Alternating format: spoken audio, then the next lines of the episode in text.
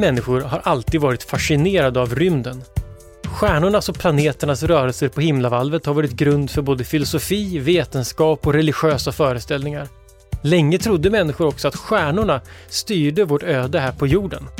Idag vet vi mer, men samtidigt också mindre. Vi vet att jorden är en del av ett väldigt stort universum som är fullt av galaxer, stjärnor och planeter. Vi vet också att rymden påverkar oss, inte genom magi utan eftersom jorden är en del av allt som händer i rymden. Men mest av allt vet vi att vi trots allt det här vet ganska lite. Det finns saker i rymden som är mer mystiska än de mest fantasifulla astrologerna kunde ha hittat på. Det är saker som svarta hål, mörk materia och mörk energi. Och det är de här mysterierna vi ska prata om idag.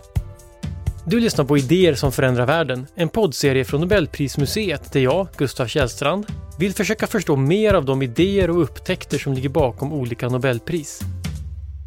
De senaste två åren har Nobelpriset i fysik gått till forskning om märkliga saker i rymden. Och för att höra mer om dem träffade jag Ulf Danielsson, professor i teoretisk fysik och också ledamot av Nobelkommittén i fysik, som alltså utser Nobelpristagarna. Vi träffades i Nobelmuseets bibliotek och samtalet filmades av UR Samtiden så du kan också se hur det såg ut om du går in på UR Play. Eller så fortsätter du bara att lyssna så får du höra allt klokt som Ulf hade att säga. Ja, välkommen hit. Tack så mycket. Först vill jag bara fråga, du jobbar liksom i rymden på heltid? Ja, det gör vad, jag. vad gör en teoretisk fysiker på dagarna? Ja, alltså det, det, det, kan vara lite olika saker. Alltså, dels förstås bara sitta och fundera. Det är faktiskt just så. Eller vara ute och gå och fundera. Jag, jag, min hjärna fungerar bäst när jag rör på mig.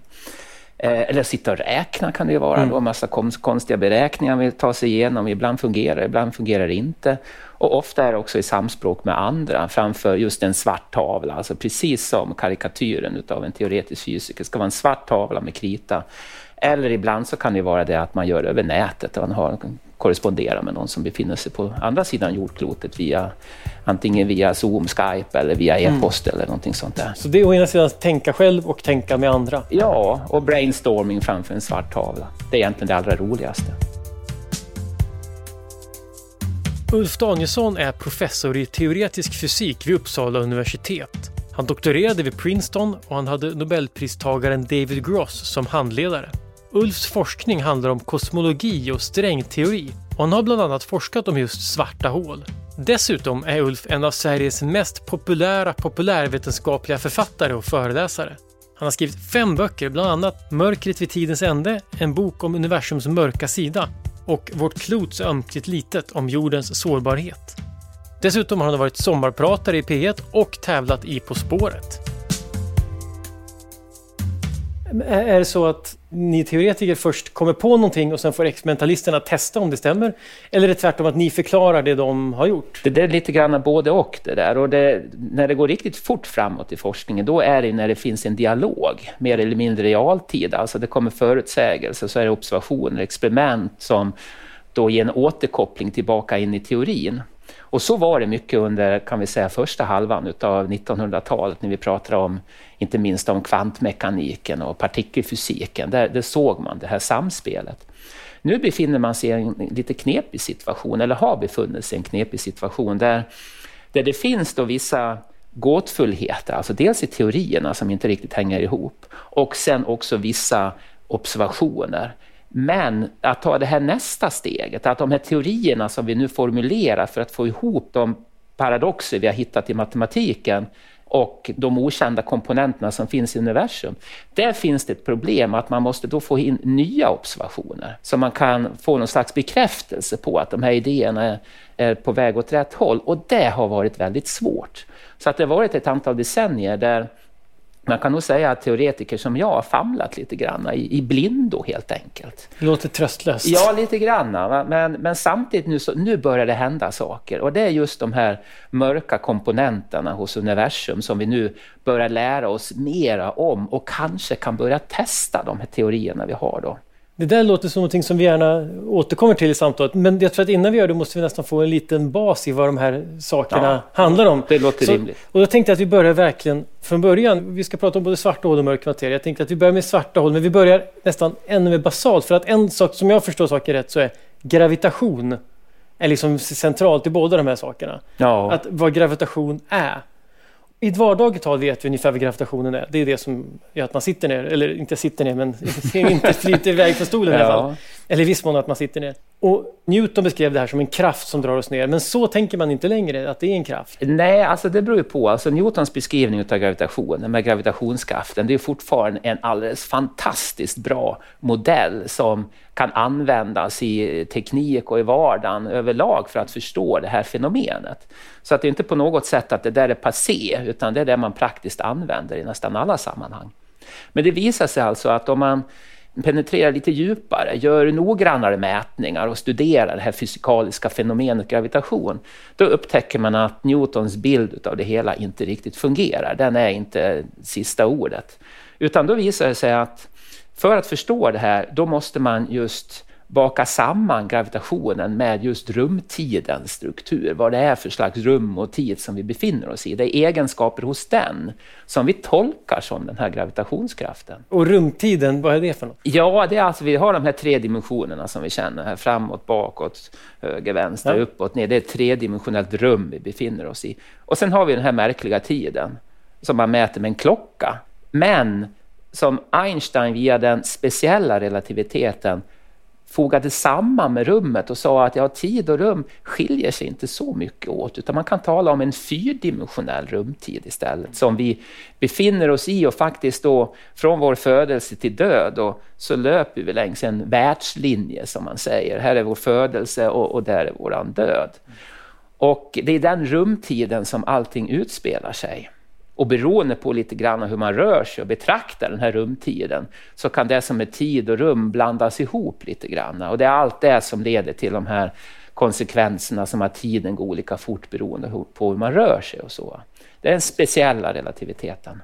Men sen gick Einstein vidare och visade att gravitationen, den är en egenskap utav att den här rumtiden kan kröka sig. Mm. På samma sätt som en yta kan vara bucklig och se olika ut på olika ställen, så gäller det också rummet och rumtiden. Och det är det som ger upphov till det som vi tolkar som en gravitationskraft. Albert Einstein med sitt yviga hår har blivit själva sinnebilden för en genial forskare. Och faktum är att hans insatser inom fysiken också saknar motstycke. Mest känd är hans relativitetsteori som bland annat leder fram till historiens mest berömda ekvation, E är lika med mc2, som säger att energi är samma sak som massan gånger ljushastigheten i kvadrat. Men den teorin var för kontroversiell för Nobelkommittén, så Nobelpriset fick han istället för en teori som förklarade den fotoelektriska effekten, varför ljus av en viss frekvens kan frigöra elektroner när det träffar en yta. För en tvådimensionell yta kan vi föreställa sig hur den ser ja. ut. Men tredimensionellt är svårare. Ja. Så man pratar ofta om det här med gravitation som en, ett bowlingklot på en duk eller någonting sånt där. Ja. Och det är alltså när man tar i två dimensioner. Översätter man det till tre dimensioner så får man att... Precis. Även om den viktigaste egenskapen egentligen hos rumtiden, eh, nära någonting som är, är tungt, det är inte så mycket hur rummet kröker sig, utan det är hur tiden kröker sig på olika ställen i rumtiden så går tiden olika fort. Mm. Så det innebär då alltså att nere vid, vid, vid, fötterna här så går tiden något långsammare än vad den gör uppe i huvudet. Och det handlar om storleksordningen om biljondels sekund per timme långsam. En oerhört liten förändring. Men det är ändå denna lilla skillnad i hur fort tiden går som ger upphov till det som vi kallar en gravitationskraft och det faktum att jag får ta i lite grann när jag lyfter det här glaset. här. Så att fötterna är Tiden går långsammare där, är det för att de är närmare Ja, de befinner jordens... sig längre ner i den här gravitationsbrunnen, eller vi ska, vad vi ska kalla det för. Och att lyfta någonting från ett ställe där tiden går långsamt till en plats där tiden går fort. Då, då går det åt energi. Då går det åt energi. Och det här kan man koppla till att, att där tiden går långsammare, där har också en materiaklump lite lägre energi än vad den har när tiden går fortare. Och nu kan du säga det att en biljondel sekund per timme, det är ju pyttelite procentuellt sett. Mm. Det översätts till denna pyttelilla skillnad i energi hos den här klumpen. Alltså en bråkdel av en bråkdel av en bråkdel av en promille. Men då har vi det här med E lika med mc kvadrat. Mm. Att den energi som finns i ett föremål som, som väger så här mycket då, via E lika med mc kvadrat översätts till eh, att eh, motsvarande vad ett eh, kärnkraftverk producerar under flera månader. En oerhörd mängd energi. Och då förstår man att en liten procentuell förändring av den här lilla pyttedelen som svarar mot en biljondel per sekund per timme. Det är det som jag känner när jag lyfter det här glaset. Mm. Och det är det jag uppfattar som tyngdkraften. Det känns nästan som att man då blir liksom på något sätt en tidsresenär när man lyfter ja, saker, vilket är ju roligare än att bara lyfta saker utan att vara tidsresenär. Det tycker jag. Svarta hål då? Det är alltså platser då när den här gravitationen har blivit, eller det är liksom en ganska extrem gravitationssituation. Mm. Hur, hur, hur uppstod idén på svarta hål? Ja, alltså det intressanta är att det går ju tillbaka ända till slutet på 1700-talet. Det var en engelsk astronom, John Mitchell, och en fransk vetenskapsman, Pierre Simon Laplace, som oberoende av varandra spekulerade med grund i Newtons gravitationsteori mm. att det skulle kunna finnas objekt eller stjärnor, säg, där gravitationen var så stark att inte ens ljuset skulle kunna ta sig därifrån. Det finns någonting som man kallar för flykthastighet som redan de kände till då. Och det är att eh, på ytan av jorden, om man bortser från atmosfärens inverkan, om man skickar upp en projektil med en hastighet på över 11 kilometer per sekund så kommer den inte att kunna ramla ner på jorden igen utan den frigör sig från jordens gravitationsfält. Mm. På ytan av solen, ja då är motsvarande hastighet 600 kilometer per sekund. Och nu kan man alltså föreställa sig ett objekt där den här flykthastigheten är som ljushastigheten eller större, 300 000 kilometer per sekund. Och det var det de spekulerade kring. Och eh, genom att använda faktiskt bara Newtons gravitationsteori så kan man uppskatta storleken på ett sådant objekt. Och det är det som vi numera kallar för svarta hål. Så det är svart hål helt enkelt för att inte ljuset kommer därifrån? Ja, precis. Vet du, fotonerna når inte flykthastighet? Nej, därför att de kan bara röra sig med ljusfarten. Och det låter inte så komplicerat. Nej. Men, men sen då? Ja, sen då? Sen blir det värre? Ja, för sen hände inte så mycket på drygt hundra år egentligen. För att eh, man, man visste inte kanske vad man skulle använda den här idén till. Det fanns ingen mm. tillämpning utav det. Det fanns ingenting som man upptäckte ute i universum som skulle kunna svara mot det här. Eh, och sen kom Einstein då, eh, 1915 och formulerade sin allmänna relativitetsteori. Och eh, strax efter, några månader efter, eh, var det en tysk eh, astronom, Karl Schwarzschild, som kunde lösa de här ekvationerna och skriva ner hur rumtiden var krökt kring till exempel solen eller jorden och så. Och där fanns redan där embryot till att förstå de här svarta hålen riktigt ordentligt och hur den krökta rumtiden då ser ut kring ett sånt här objekt. Men det var ingen som riktigt förstod innebörden utav det där. Och även om man så småningom började spekulera kring att just Laplace och Mitchells objekt skulle kunna finnas där i den allmänna relativitetsteorin också, så var det egentligen ingen som riktigt trodde på det, inte Einstein heller. Utan eh, det var först i mitten på 60-talet och Roger Penrose som kunde visa att det vi nu kallar för svarta hål, det bildas verkligen i en värld där den allmänna relativitetsteorin styr. Och bilden av det här svarta hålet är väldigt annorlunda mot det som Laplace och Mitchell föreställde sig där i slutet på 1700-talet. Så man tar en linje därifrån, så de kommer på någon sorts säga, konceptuell tanke på ja. hur det ska funka. Och då, som ändå, tycker jag, som en nybörjarbild är ganska tilltalande. Man fattar, det är mycket lättare att förstå vad det handlar om. Och sen kommer då Einstein, Schwarzschild ja. och sen då Penrose som är en av årets 2020 eh, års Nobelfysikpristagare. Ja. Och visar hur det faktiskt ser ut och då är det lite mer komplicerat. Ja, 2020 års Nobelpris i fysik gick till fysikerna Roger Penrose, Reinhard Genzel och Andrea Ghez. Penrose fick halva priset för sin upptäckt att svarta hål är en nödvändig konsekvens av Einsteins relativitetsteori. Alltså att svarta hål inte bara kan bli till, utan till och med måste bli till. Genzel och Guess delade andra halvan av priset för sin upptäckt att det finns ett supermassivt svart hål i mitten av Vintergatan. Och idag tror forskarna att i stort sett alla galaxer har svarta hål i mitten. Men varför det är så, det vet man fortfarande inte. Och hur bildas de här svarta hålen? Ja, alltså först om vi nu pratar om strukturen ja. hos ett sånt här svart Absolut. hål. För att det är alltså inte så att man kan tänka sig enligt allmänna relativiteten, det är som en stjärna och sen är ljusstrålar som inte kan komma därifrån. Utan vad som händer är att rumtiden blir extremt krökt där. Vi har ju sett mm. att gravitation har att göra med att tiden går lite olika fort. Och då visar det sig att på randen av det här svarta hålet, det som man kallar för horisonten, och eh, där man då skulle kunna säga att ja, ljushastigheten, flykthastigheten är, är som ljusfarten om man pratar med Newton. Den här horisonten, den svarar i allmän relativitet mot att tiden där ser ut att stanna om man tittar utifrån.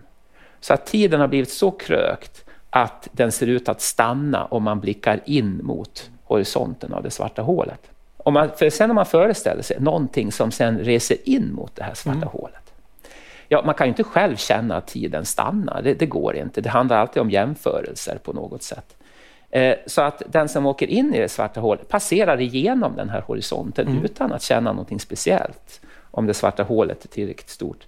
Men för den som står utanför så ser det ut som att tiden går långsammare och långsammare ja. och sen så stannar det helt. Ja, och man ser aldrig att den här personen åker in, utan personen fryser fast i det här ögonblicket då den är på väg att korsa horisonten. Nu är det inte så att den där bilden ligger för evigt kvar. Just det, för då hade det inte varit svarta hål utan då hade de varit nej, prickiga. Ja, med massa eh, fotografier utav ja. saker som har åkt in. Utan då är det så att för att kunna se den här bilden så måste det också komma ut ljus. Men det här ljuset skickas ut allt långsammare, allt mer sällan. Alltså fotonerna från den här som är på väg in skickas ut allt mer sällan. Och ljuset blir allt mer rödskiftat. Och det innebär att den här bilden tynar snabbt bort. Och eh, man ser ingenting och det blir verkligen svart. Så då så ser det ut utifrån och ja. då har man förlorat sin kompis där och det, ja, den tynade det, bort. Och inne i svarta hålet så är det inte muntrare heller. Nej, det är inte muntrare heller för att då fortsätter den här inåt. Och då visar det sig att eh, en viktig egenskap hos det här svarta hålet, det är alltså den här rumtidens krökning. Och det kröker så mycket att den här riktningen inåt, som man kan peka i, den riktningen blir till tiden när man har korsat horisonten. Så riktningen inåt, det är det nu som den här svarta hålresenären upplever som tiden. Och det är lite svårt att greppa, men det var det du var inne på, att, att, att plötsligt blir det här, den dimensionen viktigare än rumsdimensionerna. Ja. Och det innebär alltså att i och med att tiden sen då för den här som har åkt in fortsätter att flyta, så kommer den här personen då att befinna sig faktiskt i framtiden relativt oss som befinner oss utanför. Och det är inte särskilt märkligt med tanke på, kom ihåg nu, vi ser ju hur tiden ser ut att stanna där. Mm. Så för evigt för oss som stannar här utanför så har vi den här, även om vi inte kan se den, men i princip den här fastfrusna mm. bilden. Men tiden har ju fortsatt för den som är där inne. Den befinner sig alltså i någon slags oändlig framtid. Och konsekvenserna är ju då rätt eh, oerhörda, för det innebär att den här personen kan ju inte ta sig ut igen. Det är lika svårt som att resa bakåt i tiden. Och det går inte? Antar. Nej, det går Eller, inte. Fast det låter ju självklart att säga, men i det här läget känns det som att ingenting känns självklart. Nej, det var därför det tog så många decennier innan man redde ut det här, eller om, om du så vill nästan 200 år. Ja, men, men att, att forskare inte accepterade, det var ju helt enkelt för att de här konsekvenserna är så konstiga. Man var inte van att tänka på det sättet. Ja, alltså det var ju, om vi tar ytterligare ett steg och följer den här resenären ja. där inne, så kommer ju den resan att ta slut när man kommer till mitten då tar tiden slut. Och där kan man säga, där ligger all den materia samlad som skapade det här svarta hålet, kanske en kollapsad stjärna, i en punkt som man kallar för singulariteten. Mm. Eller som egentligen markerar tidens slut och också att de kända naturlagarna inte längre gäller. Så att den här strukturen, den är ju på många sätt helt galen kan man ju mm. tycka. Horisonten, singulariteten, det är svårt att säga vad som är värst. Men, men det är så det ser ut. Och det är klart att det fanns tveksamheter kring om det här verkligen kunde gälla. Det var, var faktiskt så att eh, 1939, då kunde Robert Oppenheimer, han med mm. Manhattan-projektet, han skrev tillsammans med en, en doktorand en artikel som väsentligen beskrev den här strukturen. Han trodde inte alls på det här. Och ungefär samtidigt så skrev också Einstein en artikel om att han inte trodde på att den här kollapsen skulle kunna fortsätta på det här sättet. Så även fast Oppenheimer hade den korrekta bilden trodde han själv inte på det. Och det fanns ett väldigt viktigt skäl till varför man inte kunde lita på de här modellerna. Och det var att man antog att eh, det här molnet utav materia som kollapsade för att bilda det här svarta hålet. Det var viktigt i beräkningarna att det var exakt sfäriskt symmetriskt, alltså ett perfekt symmetriskt klot som kollapsade och allting var liksom finjusterat för att den här kollapsen skulle kunna fortsätta. Det var så man såg det då. Alltså att, men då tänkte man, ah, om man nu liksom bara stör lite grann, då, då, skulle det bara kunna bli kaos av alltihopa och det här svarta hålet skulle inte kunna skapas. Så det skulle vara någon sorts, på samma sätt som i andra fall i vetenskap, att man gör idealberäkningar? Ja. I en idealvärld utan luftmotstånd och med sfäriska ja. kor och allt man brukar prata om. Precis. Då skulle det bli så här, men det kommer aldrig, så ser inte ja, världen ut. Det var den allmänna uppfattningen och eh, det skrevs en hel del då väldigt inflytelserika arbeten om det här. Men sen kom Penrose. Just och då blev folk helt enkelt tvungna att ja, acceptera därför att han införde nya matematiska hjälpmedel. Han var ju matematiker från början. Och han kunde utföra de här resonemangen utan att anta sfärisk symmetri. Mm. Utan det var liksom en briljant insikt om hur man skulle tänka kring den här krökta rumtiden. Han förstod verkligen vad den här krökta rumtiden var, hur den såg ut. Och då kunde han visa på ett väldigt elegant matematiskt sätt att den här kollapsen den är oundviklig. Men, men de har ändå förstått, för där någonstans måste man, för du var inne på hur, hur det skapas det här med att det är en kollaps av materia. Hur, ja. Där har det ändå skett en utveckling som vi inte pratat om än. Hur man kommer fram till hur de här svarta hålen ska bildas. Och ja. hur, hur, hur kommer man fram till det? Eller vad, och vad kommer man fram till? Ja, alltså det, den historien den är, den är minst lika intressant som teorin egentligen. Och de vävs in i varandra lite grann. Och det här är ett exempel på det här samspelet igen mellan teori och observationen som vi pratade om. Och här finns det ett sådant exempel. Därför att redan innan Penrose så hade man börjat upptäcka att det fanns märkliga objekt ute i universum. Starka radiokällor som man inte riktigt förstod vad det var för någonting. Och bara något år innan dess att Penrose började fundera i de här banorna, och han inspirerades av det här också, så hade man upptäckt att de här källorna, det var mycket möjligt att de befann sig väldigt, väldigt långt borta. Man hade upptäckt det som man kallar för den första kvasaren. Det är alltså en stjärnliknande objekt på himlen som vi nu vet svarar mot eh, kärnan utav en väldigt avlägsen galax. Men det är något oerhörd ljusstyrka i det här. Och redan då började en del fundera, skulle förklaringen till de här extrema objekten kunna vara just svarta hål? Kunde de på något sätt vara inblandade i det här? Och det inspirerade då Penrose till att börja fundera över, kan de här objekten existera egentligen? Hur, hur kommer man på tanken att någonting som lyser väldigt starkt hör ihop med någonting som suger åt sig allt ljus? Det är ju nästa steg i det hela, men där var, var det bara tanken att den här kollapsen till ett svart hål, det skulle kunna utlösa väldigt mycket energi. För den här materien som ramlar in, den får en väldig fart. Den faller djupt i gravitationsfältet innan den kollapsar och blir ett svart hål. Och i den processen så skulle det också, en del av den här energin som kommer från det här fallet, skulle kunna utnyttjas på något sätt till att ge någonting som också kraftigt strålar. Men hade man ändå tänkt sig att, att det här kommer från stjärnor som sprängs på något sätt eller att de faller ihop? Alltså, hur, hur, var kommer själva idén på en kollaps ifrån? Är det före eller efter det här? Ja, alltså det, det, var nog lite si och så där i början naturligtvis, vilka modeller man hade kring det här. Men man tänker sig för att det är mycket massa som börjar samlas på en plats och när den, ja. singulariteten är förstås väldigt liten, det är väl poängen med det svarta hålet? Ja, det svarta hålet är väldigt litet ja. också. Och med litet, alltså, vad menar vi då? Då menar vi två meter eller menar vi ett par kilometer? Vi menar för någonting motsvarande solen i massa så, så, så handlar det om några kilometer. Eh, de här stora svarta hålen som man så småningom då började leta efter också och som faktiskt förklarar kvasarerna. De har massor på miljoner, hundratals miljoner eller miljarder solmassor och har en storlek som är jämförbart med eh, vårt solsystem eller lite mindre eller större än solsystemet. Och när man drar ihop all den här massan till en punkt så kommer det då smälla? Finns, ja, det finns en möjlighet ändå ja, att utvinna energi ur detta och det var det man började få på känn och det inspirerade Penrose. Men i och med att Penrose sen hade gjort klart att det här är någonting som är något att ta på allvar, då kunde astronomerna på allvar också börja gå ut och leta efter de här objekten. Och man började fundera, skulle det kunna vara så att de finns lite grann här och var? Kanske i centrum på var och varannan galax. Eller också så, förstås mindre svarta hål som är resultatet av kollapsande stjärnor. Alltså supernovor som exploderar och så kanske det blir ett svart hål över. Mm. Okej, så det finns, det finns flera sätt då för ett svart hål att bildas? Ja, då, det gör det. Jag tänkte att det bara fanns...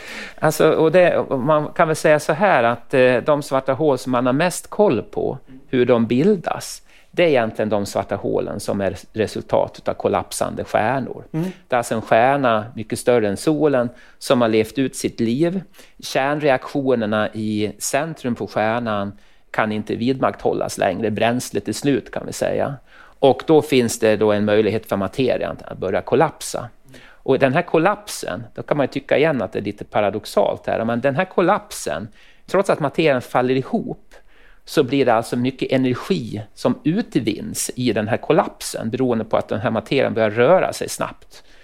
Och den energin då kan liksom studsa tillbaka ut och få hela stjärnan att explodera. Det är en supernova. Men där finns det då olika möjligheter. Antingen flyger hela stjärnan i luften eller så kommer den här materien att kunna skapa det som vi kallar för neutronstjärnor. Det är extrema objekt också, det är som jättelika atomkärnor kan man säga som är någon mil, ett par mil tvärs över eller så. Eller så blir det ett svart hål. Mm. Så det är en möjlighet. Är en möjlighet. Och, och sådana svarta hål man, har man också rätt god koll på, att det finns sådana runt om i Vintergatan.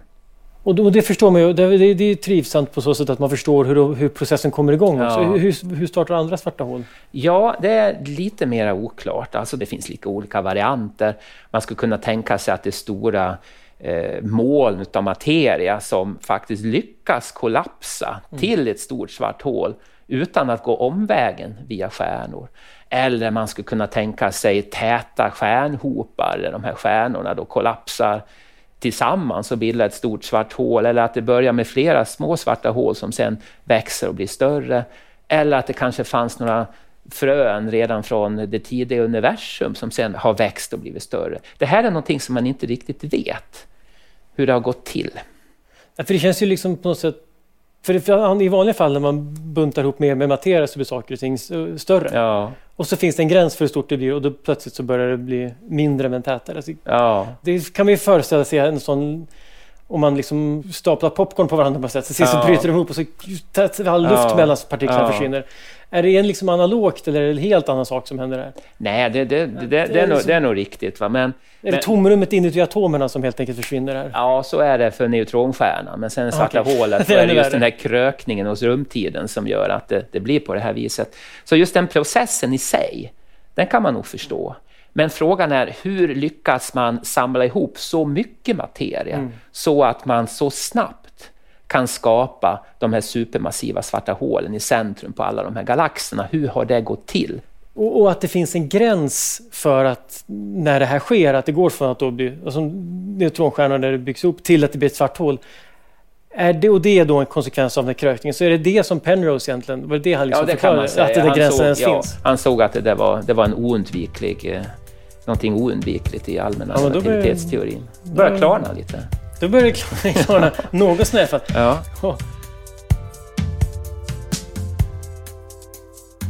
Kvällen efter att Nobelpriset tillkännagivits frågade jag min sexåring hemma om hon visste vad ett svart hål var. Och hon visste. Det är någonting som man inte kan komma ut ur om man kommer in i det. Och det är ju precis så det är. Det säger en hel del om hur fantasieggande de här svarta hålen är och hur spridda de är i vår kultur. Från barnböcker till filmer som Interstellar, de finns med överallt. De kan vara mystiska, otäcka, spännande och otroligt lockande i all sin obegriplighet. Till och med tanken på vad som finns bortanför vårt universum bleknar i jämförelse med vad som kan finnas inuti ett svart hål. Hur, eh, hur upptäcker man svarta hål? Om de inte syns? Ja, det finns lite olika sätt och, och, och det mest spektakulära egentligen, det är ju det som har belönats med årets eh, eh Nobelpris, Andrea Ghez och Reinhard Genzel. Och eh, det, det handlar om att man tittar på ett specifikt sånt här svart hål stort supermassivt svart hål. Det som visar sig finnas i centrum av just våran galax, Vintergatan. Och det svarta hålet, som det visade sig, har en massa på 4 miljoner gånger solens och eh, har alltså en radie på drygt 10 miljoner kilometer. Så att det är ganska litet ändå om man jämför med solsystemet, men eh, det är stort om man jämför med jorden och stort om man jämför med ja. solen trots allt. Ja, det är mycket som är litet om man jämför med solsystemet, ja, men, men, absolut. Men det är kolossal mängd massa alltså, som är samlad då i det här ja. relativt lilla området. Vad de lyckades göra då, det är att de spanade in i centrum av Vintergatan. Och det är inte alldeles lätt, därför att det finns mycket i vägen. Det finns stora stoftmoln i vägen, så att man måste titta infrarött ljus för att se vad som händer. Och där kunde man då följa enskilda stjärnors rörelse i omloppsbana kring någonting osynligt. Det var särskilt en stjärna man kunde följa banan på med en omloppstid på 16 år. Det är ganska kort. Det innebär att under en astronoms yrkeskarriär så går det liksom att följa den här stjärnan ett eller annat varv. Det. Och det är det man har kunnat göra. Och eh, då har man kunnat beräkna då, vad är massan på det där som den här stjärnan kretsar kring? Ja, det visar sig att det var fyra miljoner gånger solens massa. Mm. Och avståndet när stjärnan var som närmast, det var 17 ljustimmar. Det är lite större än vad vårt solsystem är i storlek. Men det är ändå väldigt, väldigt nära. Och det finns inget annat sätt att klämma in de här fyra miljonerna solmassor i det området än i form av ett svart hål. Så det finns inget alternativ mm. enligt de gängse teorierna vi har. Och sen kommer, visar det sig också förstås att det här blir ett sätt att studera gravitationen i sig. För att genom att följa de här stjärnornas rörelser riktigt noga, eller ännu bättre, titta på annan materia som fångas in av det här svarta hålet, mm. så man kan följa ännu mycket närmare in mot det svarta hålet. Och det har man kunnat göra så kan man börja testa den allmänna relativitetsteorin. Och det är det som gör just den här metoden också så väldigt, väldigt spännande. Jag har hört att vår galax håller på att krocka med en annan galax. Andromeda-galaxen. Ja, det kommer ta ett tag. Men... Ja, några miljarder år. Ja, så det behöver man inte vara orolig. Men, men, när det väl händer, ja. kommer då de här svarta, kommer ja, de här svarta hålen börja det. liksom... Ja, över väldigt, väldigt långa tider så är det väl inte omöjligt att de här svarta hålen så småningom kommer att finna varandra också. Men det kommer att dröja väldigt, väldigt länge. Men det finns svarta hål som kolliderar? Det gör det och då kan vi ju ta ett Nobelpris mm. några år tillbaka, 2017. Det, det, stora, det, det som egentligen prisbelöntes, det var ju upptäckten av gravitationsvågor. Mm. Men samtidigt så blir det också som ett verktyg då att studera svarta hål och dynamiken då när de kolliderar och så vidare. Och gravitationsvågor, det är då att själva rumtiden som vi pratar om nu, som är någon sorts Ja. Vad det, är, det hela den liksom vibrerar av att det blir så stort. Absolut, precis. Mm. De här svarta hålen finns i mitten på galaxer och fyller de någon funktion i mitten på galaxen? Alltså man ska komma ihåg att de egentligen är rätt obetydliga om man jämför med hela galaxens massa. Eh, det finns ett par hundra miljarder stjärnor i Vintergatan och eh, det här svarta hålet har en massa som är bara fyra miljoner gånger solens massa. Så att det är ju inte så att det styr Vintergatan på något sätt. Däremot så kan det mycket väl i Vintergatans tidiga historia varit viktigt att eh, de här energiurladdningarna kan ha påverkat hur stjärnor har utvecklats i Vintergatan och så vidare. Så att det finns då en kopplingar däremellan. Och där finns det nog väldigt mycket spännande astrofysik att upptäcka.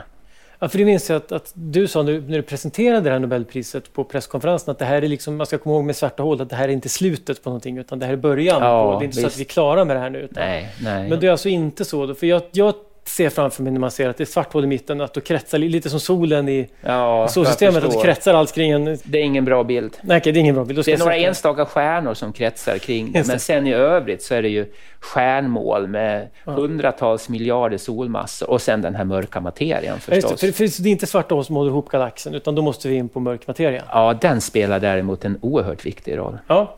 Vad är mörk materia?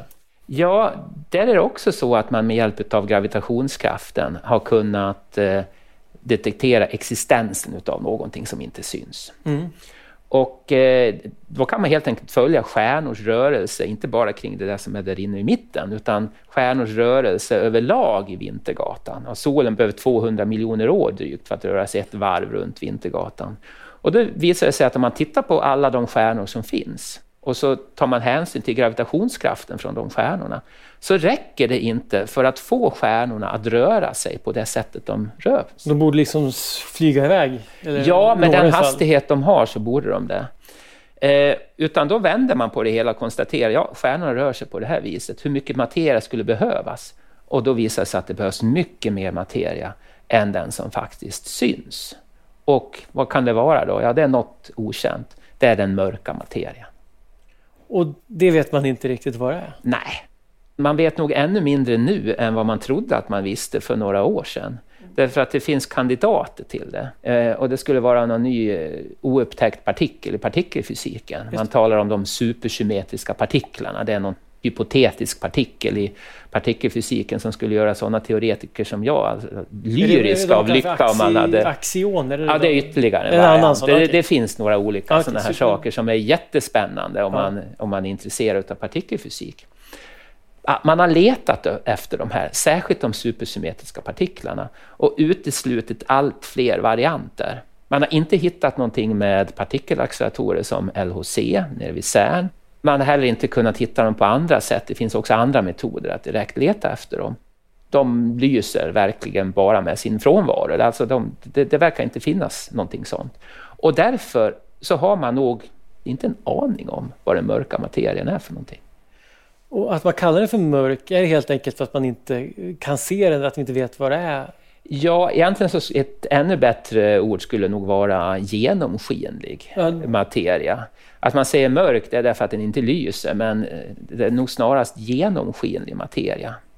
För jag hörde ett eh, föredrag med en nobelpristagare som jag vet att du känner, David Gross. Han pratade, ja. Då pratade han om att Neptunus var en sorts mörk materia en gång i tiden. Absolut. det var någonting man inte visste vad det var, men man såg på andra planeters banor att här borde det finnas ja. en planet. Och sen visade det sig att det var en planet. Och det vore ju toppen om det var så enkelt nu, men med mörk materia det måste vara någonting annat som består av ny sorts materia. Och skälet till det, det är att om det skulle finnas så mycket mer vanlig materia, alltså sånt som vi och stjärnorna består av där ute, fast osynlig på något sätt och mörk, mm. då skulle beräkningarna i det tidiga universum utav universums utveckling inte stämma. Och det har att göra med kärnfysiken i det tidiga universum om hur de olika grundämnena skapades. Då funkar de här beräkningarna alldeles precis lagom om det finns just så mycket mm. vanlig materia som man kan se och resten är i form av mörk materia. Och det har också att göra med observationen av bakgrundsstrålningen när man ser tillbaka till det tidiga universum. Där måste det också finnas materia, mörk materia, som inte påverkas av ljus på vanligt sätt. Och här har vi faktiskt då en koppling till förra årets Nobelpris, mm. Peebles. Peebles. Ja. För han jobbade med de här stora teorierna ja, kring... Visst. Alltså det är väl det som är kosmologi helt enkelt. Ja. Hur, hur, jag vet någon beskrev priset förra året som att han fick priset för universums form och innehåll, vilket ja, är ett ganska heltäckande. Ja. Men man kan säga att, eh, att hans arbeten där la grunden verkligen till vår övergripande förståelse av universum och dess sammansättning. Att den här mörka materian, det är någonting där som, som måste finnas där. Men han har inte talat om för oss riktigt vad det är för någonting. Och mörk materia, det utgör då en ganska stor del av materien i våra galaxer? Ja, det, det, det gör det. Alltså, och, och, totalt sett om vi tittar på hela universum, eh, då är det ungefär 25 procent som är i form av eh, mörk materia och 5% vanlig materia och 70% ja, den vet vi ännu mindre om. Det är den mörka energin. Ja, och mörk energi, det... Jag har försökt sätta ja. mig in i det. Om jag förstår saken rätt så, här, så finns. Jag hittar någon tumregel i alla fall och det är att en fysiker skrev att, att de, det ena håller ihop galaxerna och det andra puttar isär galaxerna ifrån varandra. Ja, att eh, den mörka materien den håller inte bara ihop galaxerna utan den bromsar också universums expansion, precis som all annan materia. Och sen då att också, det är ett pris, ganska nyligen pris för att universums expansion också går fortare och fortare. Ja, 2011. Det. Och det är just den mörka energin som har den här märkliga egenskapen att den bromsar inte upp expansionen utan den skynda på den istället. Den har den egenskapen. Och man kan förstå hur det liksom rent principiellt hänger ihop. Det handlar om verkligen egenskaperna hos den här energin som skiljer sig från vanlig materia eller strålning. Men som sagt, man har ingen aning om vad det är för någonting. Man vet vilka egenskaper det har, men vad det är för någonting, är det något energifält eller vad det kan vara för någonting, det har man ingen aning om. För man vet egenskaper så tillvida att man vet hur det interagerar med gravitationen? Ja, vet man hur det interagerar med de andra Ingenting. krafterna? Nej, ingen, ingen aning. Utan det enda man vet egentligen, det är den här effekten på universums expansion. Det är det enda lilla ledtråden man har till vad det är för något. Och gäller det förut också mörk materia? Att man, vet man om den påverkas av de andra? Nej, det är samma sak där också. Skillnaden med mörka materian är att den tydligen kan klumpa ihop sig i alla fall. Mm.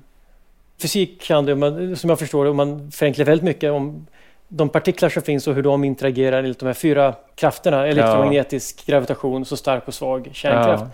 Kan man tänka sig att det finns en femte kraft som de här interagerar med? På, så att eh, när det händer lite mer, för annars är det bara gravitationen, det verkar så ynkligt. Ja, det verkar lite tråkigt. Nu, När det gäller just den mörka materian, då har man väl tänkt sig att den ska växelverka enligt den svaga kärnkraften. Det är det som ingår i de här utvecklingarna av partikelfysiken med supersymmetriska partiklar Okej. och vad det kan vara. Men man skulle också kunna tänka sig att den här mörka materian är någonting helt annat. Som verkligen bara växelverkar med vår värld via gravitationen, men sinsemellan hittar på alla möjliga skojiga saker som vi inte kan riktigt uppfatta för att vi har så trubbiga mätverktyg. Massor med strukturer som vi inte har en aning om. Och, och mörka energin som sagt, det får helt enkelt universum då att, att expandera. Ja. Finns det någon beräkning, någon, någon, någon teoretisk förhoppning om att det skulle kunna vara på ett annat sätt? Ja, alltså det, det gör det och det, det här knyter faktiskt an till några av de allra mest spännande utvecklingarna inom den teoretiska fysiken under de senaste åren inom ramen för strängteorin. Strängteorin är ett försök att foga samman gravitationen och kvantmekaniken till någonting som verkligen hänger ihop, som man kan använda för svarta hål och också för universums utveckling. Och där visar det sig att den teorin har haft väldigt svårt nu att hantera den här mörka energin. Och det är till och med så att många som arbetar inom det här området börjar fundera, skulle det kunna vara så att den här mör- mörka energin, den kan inte vara för evigt? Det alltså finns någon fundamentala fysikaliska skäl inbyggda i strängteorin som gör att den här mörka energin så småningom kommer att falla sönder. Så att här finns det någonting väldigt spännande och också möjlighet till mätningar. Och eftersom energi och massa är samma sak, skulle energin sammanfalla, den mörka energin samma, skulle den då kunna bli mörk materia? Ja, visst, du, du, är välkommen att fundera kring det här. gå ta lite mattekurser först? gör det, gör det. Allt är möjligt. Allt är möjligt. Ja, om man vill hålla på med riktigt fundamental fysik, alltså det som i någon mening kommer i fortsättningen utav kvantmekaniken och relativiteten och partikelfysiken, då är det nog just här som man har de riktigt spännande sakerna.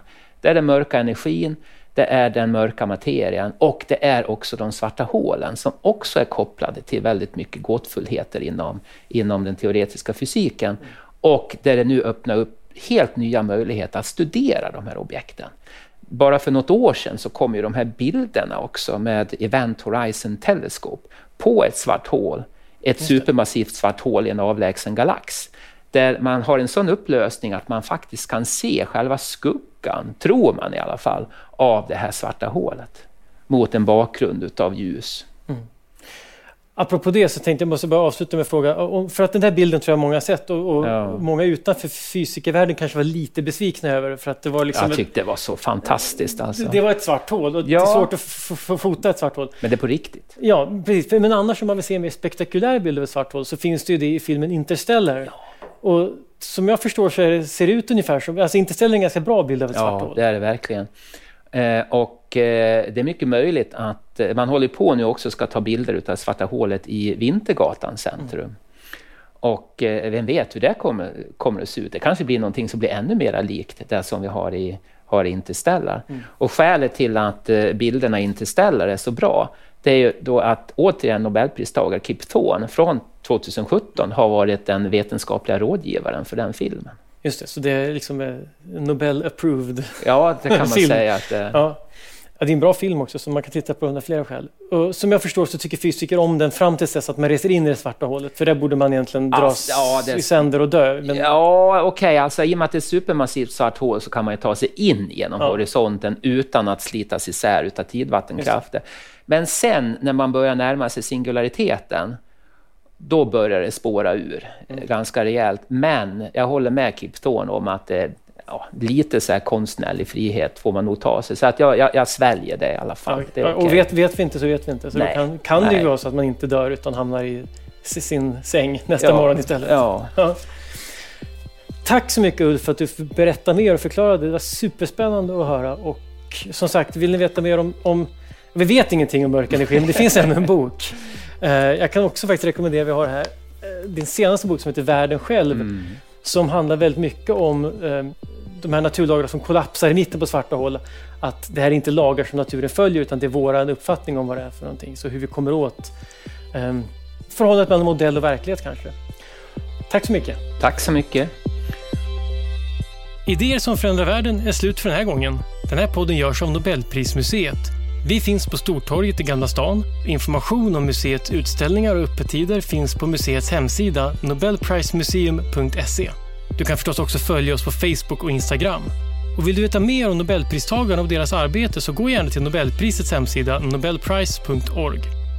Och ett stort tack till Nibe Group, EF Education First, Knut och Alice Wallenbergs stiftelse och familjen Erling Perssons stiftelse som möjliggör Nobelprismuseets verksamhet. Idéer som förändrar världen görs i samarbete med produktionsbolaget Filt, producent är Andreas Wiklund och jag heter Gustav Källstrand. Vi är snart tillbaka med nya intressanta samtal.